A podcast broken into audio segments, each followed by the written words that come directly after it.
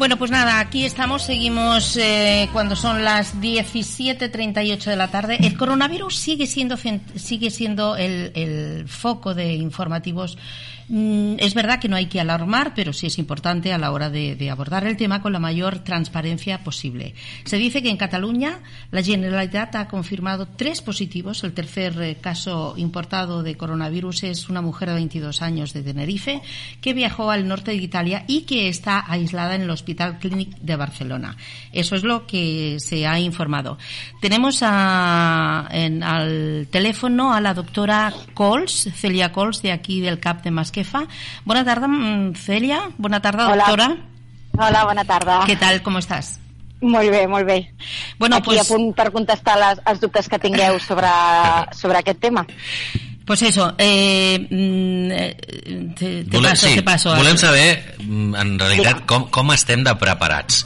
Perquè, bueno, jo, jo estic convençut que hi ha una xarxa d'informació al sistema sanitari eh, comandat suposo que per, pel Ministeri no? però també amb les, amb les conselleries de les diferents comunitats, comunitats autònomes i, i tot això va arribant fins al, als CAPs, als ambulatoris de les poblacions uh -huh. més petites i, i bueno, volíem saber quin, quin protocol o quines ordres teniu eh, en el cas de que, de que bueno, final, pot passar doncs, que hi hagi algun cas o de coronavirus algun cas o, sospitós, o algun cas sospitós, si algú que tingui uh -huh. dubtes eh, quin, Vale. quins protocols es segueixen? Bueno, nosaltres seguim els protocols que ens, que ens passa el Departament de, el Departament de, de Salut. Uh, són ells els que ho treballen, uh, el grup de vigilància epidemiològica són els que ho estan treballant i nosaltres, lògicament, el que fem és seguir els seus, les seves recomanacions en tot moment. Aquest protocol no és un protocol estàtic, sinó que l'estan revisant constantment en funció de les noves evidències i en funció dels nous casos que vagin, que vagin apare apareguent uh, per Catalunya i per la resta del món i per tant el que fem és ens mantenen gairebé diàriament si no eh, cada dos dies però ara mateix ens mantenen diàriament al dia amb les noves actualitzacions d'aquest protocol jo no sé per on voleu que comenci exactament, perquè una cosa és el que fem nosaltres a l'ambulatori quan creiem que hi pot haver un cas sospitós i una altra també són les recomanacions per la població general. Sí, mira, abans estàvem comentant mm. que potser el que, el que està incidint els mitjans de comunicació sí? és amb, amb les xifres, no? el número d'infectats, el número de morts, s'obvia bastant el número de gent que ja ha passat, eh, eh, que ja ha tingut el virus i que doncs, s'ha recuperat, això no es parla, i una de les mancances que, que trobem també és que, que s'informi de com es transmet, per exemple, no, aquest Vale. virus.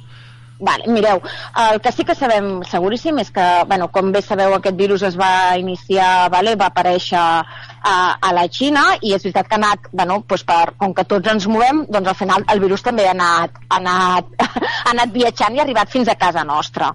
Um, el que hem de tenir clar és quins símptomes donen. Donen símptomes molt semblants a, a la grip estacional que tenim ara mateix, vale? i el que hem de tenir també molt, molt, molt clar és que el 80% dels casos que, que s'han confirmat fins a dia d'avui a, a tot el món són casos amb sintomatologia lleu, vale? sense complicacions i que tan sols en un percentatge molt petit de la població poden donar símptomes molt gre més greus que requereixen un ingrés eh, o pneumonies, etc i fins i tot en algun cas hi ha hagut eh, algun cas que, que ha mort. Però aquests casos més greus passa com amb la grip estacional. Eh, la, la probabilitat de que realment aparegui aquest cas greu serà en aquella població que ja té una patologia prèvia, ja sigui de cor, de pulmons, etc. Igual com passa amb la grip estacional, eh, que també és la població de més risc, que per això la vacunem i és amb la que nosaltres eh, els estem dient que sobretot és la gent que necessitem que es vacuni, no? Perquè eh, és on hi ha més probabilitat de complicacions si ens infectem d'aquest virus de la grip. Però la població general, el 80% els símptomes seran, seran lleus i la mortalitat dels casos, eh, la mortalitat realment a dia d'avui és una mortalitat molt baixa. Vale? Per tant, no ens hem d'alarmar en, en aquests casos. Llavors, el que hem de fer és mm, mantenir les... Eh, la, o sigui, com ens infectem o què hem de fer per no, per no infectar-nos, no? és eh, les prevencions de qualsevol infecció o de qualsevol època que ja hauríem de tenir en el nostre, en el nostre dia a dia eh, amb, la, amb el període estacionant en el que estem, no? rentar-nos les mans amb aigua i sabó ja en tenim suficient. Si tenim solucions aquestes hidroalcohòliques, aquests preparats que venen a les farmàcies, perfecte, però em sembla que eh, els estocs ara mateix estan una mica justets, per tant l'únic que hem de fer és rentar-nos bé les mans amb aigua i sabó, si nosaltres estem encostipats eh, o estem amb tos, el més important per no contagiar és, com sempre, fer servir mocadors d'un sol ús, estornudar o tossir tapant-nos amb la cara interna del colze i sobretot després rentar-nos les mans, per si de cas mantenir una distància de seguretat d'uns dos metres, vale? uh, si estem al costat d'algú que està amb tos o estornuts, que ja és el que hauríem de fer habitualment, i evitar pues, eh, doncs això, compartir menjars amb gent que, que estiguin amb, amb símptomes que podria ser suggestiu. Vale? Però ja són les mesures que hauríem de tenir en el nostre dia a dia en aquest període de l'any. Uh mhm. Eh, en el cas que algú s'apropi a l'ambulatori o a un hospital sí. i, i tingui aquests símptomes o tingui algun uh -huh. dels mhm. símptomes que tingui febre i tos eh, quin, quin, quin és el protocol a seguir? O, o, o, o no es fa automàticament? S'ha de preguntar diverses coses. Si nosaltres ens entra, per exemple, avui a la tarda uh, una, amb el protocol que tenim avui actualitz, uh, en marxa, que no sé si serà el mateix que, per exemple, el dilluns, eh? dependrà uh mhm. -huh. dels casos, però avui si aquesta tarda entra algú per la, pel cap de Masquefa i ens comunica que té tos o té febre o té sensació de que li falta l'aire o, té una mica, o es, es troba malament, la següent pregunta que se li farà serà si ha viatjat recent, recentment en uns dels països eh, en un dels països que eh, s'han declarat casos de coronavirus. Mm. Vale? En el cas de que ens digui que no, també se li preguntarà si ha estat en contacte amb algun cas que ja hagi estat diagnosticat o bé eh, que el tinguem encara amb sospita, o sigui que no sapiguem encara si sí o si no. En el cas de que ens digui que no a tot, se'l tractarà normal, ¿vale? se n'anirà a la porta de, del metge i se la farà una visita normal perquè s'haurà descartat que pugui arribar a ser un cas, eh, un cas sospitós de que pugui arribar a confirmar-se que és un coronavirus. Mm. En el cas de que tingui algun d'aquests símptomes i hagi estat, vale, hagi estat en contacte eh, hagi estat en contacte amb, amb, o sigui, vingui de viatge d'alguna de les zones de risc o hagi tingut un contacte estret amb, amb, amb, amb, un, amb una persona ja contagiada per coronavirus, el que farem serà traslladar-la a una sala, donar-li una mascareta i trucarem, perquè nosaltres l'únic que fem és trucar llavors al Servei de Vigilància Epidemiològica que ens acaben fent una sèrie de preguntes, l'hem d'acabar d'explorar i ells són els que decideixen si realment compleix criteris o no per incloure-ho com a cas sospitós i per tant traslladar-lo i fer-li la prova que és una, un frotis, vale? bueno, es fa una prova per valorar si dona positiu o no dona positiu. I això és el que nosaltres, o sigui, aquí és on nosaltres actuem.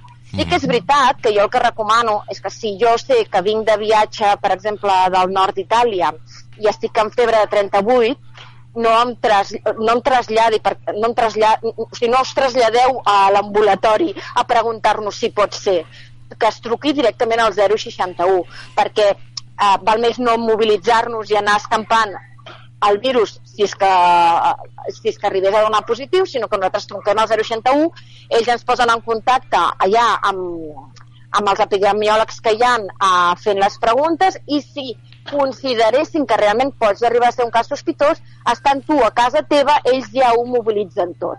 I si diuen que no, et diran, pues ara vés al teu ambulatori, que realment no hi ha cap problema, no hi ha perill que et visitin normal, a veure què pot ser. Mhm. -huh. ¿Vale? Doctora, estamos, eh, estabas comentando que los síntomas, pues son, pues eso, los de una gripe normal y corriente, ¿no? Sí. Pero eh, hay, hay algún algún síntoma que nos diga, bueno, esto puede ser una gripe, pero hay algo que a mí me parece un poco raro, ¿o no? No, no. No. No. No, no, no, no, son síntomas y ya os digo, la mayoría son leves, por lo tanto será una tos, una sensación de ahogo, una fiebre, puede tener fiebre o puede no tener fiebre, o sea, son síntomas, lo que nos va a marcar si hacemos o no hacemos la prueba es el haber hecho estado, el haber estado en contacto con una persona ya diagnosticado o bien a venir de un viaje los últimos 14 días, ¿vale? Esto no lo he dicho antes, pero es los últimos 14 días a, de una zona donde están con epidemia de, de coronavirus, donde se han detectado mm, varios casos de, de este virus. Porque los síntomas, eh, doctora, se presentan a los 14 días. El, sí, el, el, el període d'incubació es, es considera a dia d'avui amb el que es coneix que és de 2 a 14 dies. Per tant, si tu vens uh, d'una zona endèmica però fa 3 setmanes que estàs aquí i comences amb febre, en principi és una febre per un constipat normal o per una grip. Vale? No, no hi ha risc de coronavirus. Mm -hmm. Uh, a veure, la gent està com una mica atabalada, no? Sí, uh, una miqueta, una és mica... normal, eh? És, és, és, a veure, és normal, però sí que és veritat que el que us torno a repetir el que us he comentat abans, el 80% dels casos són sintomatologia lleu, um, i, i la mortalitat és baixa i que realment el risc uh, de complicacions és amb gent que ja té uh, patologia associada vale? ja té altres patologies però és normal que hi hagi certa alarma i el que hem d'intentar des dels mitjans de comunicació com els serveis sanitaris és eh, intentar, dins del que puguem, que entenem que és, no és senzill, doncs que la gent estigui tranquil·la, que pregunti, que si té dubtes Uh, hi ha molta gent treballant, que truquin al 061, que hi ha 24 hores al dia uh, professionals treballant i que els hi resoldran tots els dubtes que tinguin. I també hi ha la pàgina web del gencat.cat, uh, hi ha molta informació sobre aquest tema i també es poden dirigir allà, sense cap problema. Molt bé, doncs Cèlia, no t'entretenim més. Moltíssimes gràcies per uh, tranquil·litzar-nos, per informar-nos, que crec que és molt important.